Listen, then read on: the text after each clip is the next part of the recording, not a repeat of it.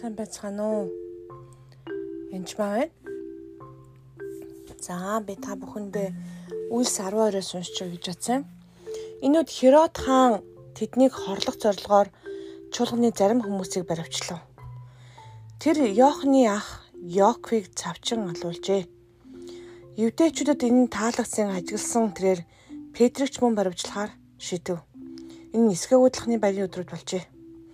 Тэгээд түүнийг баривчлан шорон тээж дөрөв дөрөв дөрөвтөөр мануулав.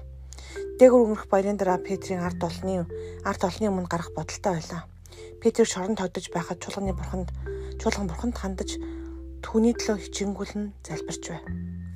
Тэгэхээр энд Херод хаан тэднийг хорлох зорилгоор чуулганы зарим хүмүүсийг баривчилж байгаа. Тэгээ л да эзэн минь та яагаад энд юу ч хийдгүй юм бэ? Эсвэл аа та ингээд Петрийг аварсан Тэгээд Петрт яаж алуулах юм, яаж хөшөрж байгаа түүхийг хүртэл Иесус Петрт шийдүүлсэн байдаг. Тэгэхээр энд Петр бүр ингээд унтцсан байж идэг л да унтчихэдэг бүр сэрээдэг штэ. Тэгэхээр бурхан танд хамлагдсан болоо та магадгүй ингээд шоронд орцсон амир хэцүү маргааш халуулсан тодорхой болсон багт хүртэл тайв унтчих магадгүй. Гэтэл яг адилхан элч Якоб байгаа. Бурхан бас Яков таартай л байсан. Тэгэхээр Яковыг цавчин халуулж байгаа. Би яг эзнээс бас Йоханы тухай асуудаг л да. Аа таны үеэл Иесусийн үеэл байсан. Йохан үнэхээр чухал те форранер буюу урталт нь явдаг байсан.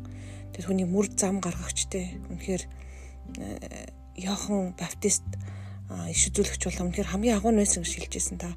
Тэгээд яагаад ингэж эд залуугаараа алуулчтай юм бэ гэж асуудаг л та. Тэгэхээр үнэхээр бурханд үнэхээр ингэж Иесус хэрчийн нэрийн өмнөөс алдуулах хүмүүсийн тоо байдаг. Тэр нь тэр нь тодорхой хүмүүс бас байдаг байгаа.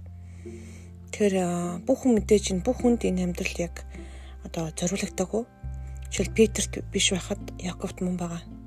Тэг эзний нэгүслэнд аль аль нь байгаа юм. Энэ амьдралын тэр зовлон Яков магадгүй цагаат болохоор төрүүл тусчих. Алуулах үедээ ихэнхдээ шууд л сүнсэн дэшигээ алуулахаас өмнө тэнгэр лөө явдаг тухай Стефан нар гардаг. Тэгэхээр яг энэ зураглалыг дахин хараарай. Зарим хүмүүс ингэ залбирахад өвдөж өсөн чигээр нь асуурдаг байгаа. Зарим хүмүүс итгэрдэг. Би яагаад вэ гэж их асуудаг байсан л да. Тэгээ сүүлд нь эсний нэгүслийг бид нар ойлгохын аргагүй. Тэгээд нэгэн хүүхдийг залбирч явах үед маш бэртцэн өвдсөн хамаг юм цаарцсан хэцүү болсон байсан л да хүүхэд. Тэгээд хүүхэд яг би бүрэн эдгэн гэж хэлсэн бурхан яг тэр өдөртөө тэр хүүхдээ гэртээ харсан байдаг аа. Аав чорны хөлөө итгэж байсан. Тэгээд тэр үед надад маш их уйлж би бүр маш бүр цорхрон уйлж маш их яг өөрөө хүүхдийг алдсан шиг хэцүү байсан. Тэгээд яг эзэн дээр очиод барилслантаа гүйж байгааг хараад шууд тэр дараа баярлсан л та. Тэгтэл хэцүү байсан. Тэгэхээр залбирж байгаа үед ингээд зарим хүмүүс ингээд идэрэхгүй байх, халуулах ч юм уу те эсвэл ингээд хэцүү байдалд орох хүүхд насурахын үйл явц дээр та бас бити санаа зовоороо өөрийгөө бас бити буруутгаараа залбирч байсан бол аа тэгээд маш сайн сайхныг бас бүтээдэг байгаа. Тэгэд бид заримдаа мэдрийн тайлбарлаж чадахгүй зүйл болдог. Үүнд ингэж махан биеэр тайлбарлах гэж ч юм уу бити оролдороо аа энэ зүгээр бурхны нэг үсэл байгаа учраас талархаж хүлээж аваад яваараа Тэгээд Питер аврагдсан. Тэгээд үнэхээр Питерийг аварсан нь одоо бурхан гайхамшигтай ингэж аварсан гэл ярьдаг боловч яг алуулж байгаа өгч байгаа залбираад хариулт нь мэдээж тэр өдөр хүмүүс чуулган мэдээж ганцхан Петрийг залбираагүй л байгаа. А Йоквиг бас залбирсан л байгаа штэ. Гэтэл Йоко алуулаад харин Петр амдарч байгаа. Тэр бурхан хэрвээ шашны хүмүүс байл одоо Йоко бурханд буруу юм хийсэн байна. Петр одоо мундаг учраас аврагдлаа ч гэдэм үү тэгж хэлж юусоо болохгүй байхгүй. Яко адилхан л бол хэлж байсан. Тэгэхээр ямар нэг юмыг тайлбарлах гэж бас махан бээр тайлбарлах гэж бити оролдороо. Аа ихэнх зүйл яг заримдаа бид тайлбарлаж чаддгүй. Тэгээ эзний нэгүсэл аль алинд нь байгаа гэдэг бити мартаараа. Бидний амьдралд тохиолдож байгаа тэр зүйлүүдийг бурхан яагаад зөвшөөрсныг би хэлж мэдэхгүй. Гэхдээ тэр болгон дээр бизнесийн нэгүсэл харыг эцтэй бидний сайн сайхны төлөвүүдийг маш сайн мэддэг. Тэгээд бүх зүйл эцтэй бидний сайн сайхны төлөө байгаа шүү. Тэгээд тухайн үед ойлгохгүйсэн ч гэсэн эзний нэг хүсэл, эзний гар, эзний тэрвэрлт үргэлж байдаг.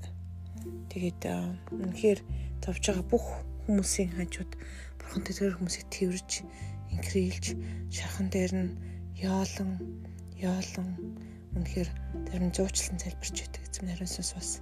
Тийм учраас үнэхээр бурхны нэг хүслийг ойлгоно гэдэг бол бас асар том ойлголт шүү гэж бүр хичээнгэл үнсэж जैन. Тэгээд та бүхэн маань үнэхээр энэ дотор бас шаналж байгаа хүмүүс байх юм бол энэ цаг мөчд бас надаар Есүс нутар бүр нэгдгэр эсний нэгүслэр хуучж өгөрөө аваа.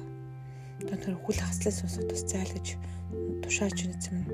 Одоод нь өвдөж байгаа хүмүүс бас итгэрэх болтгой. Хорсол гомдол дотор байгаа бүх зүйлийг бас авч хийж байна. Бүх хорсол гомдлын сүнс Назарын Есүс орчин нэрээр зайл уучлалдаг. Бурхны уучлалдаг. Бурхны нэгүслийг ойлгох туслаараа уучлалдаг байх туслаараа эзэм Есүс нэрээр.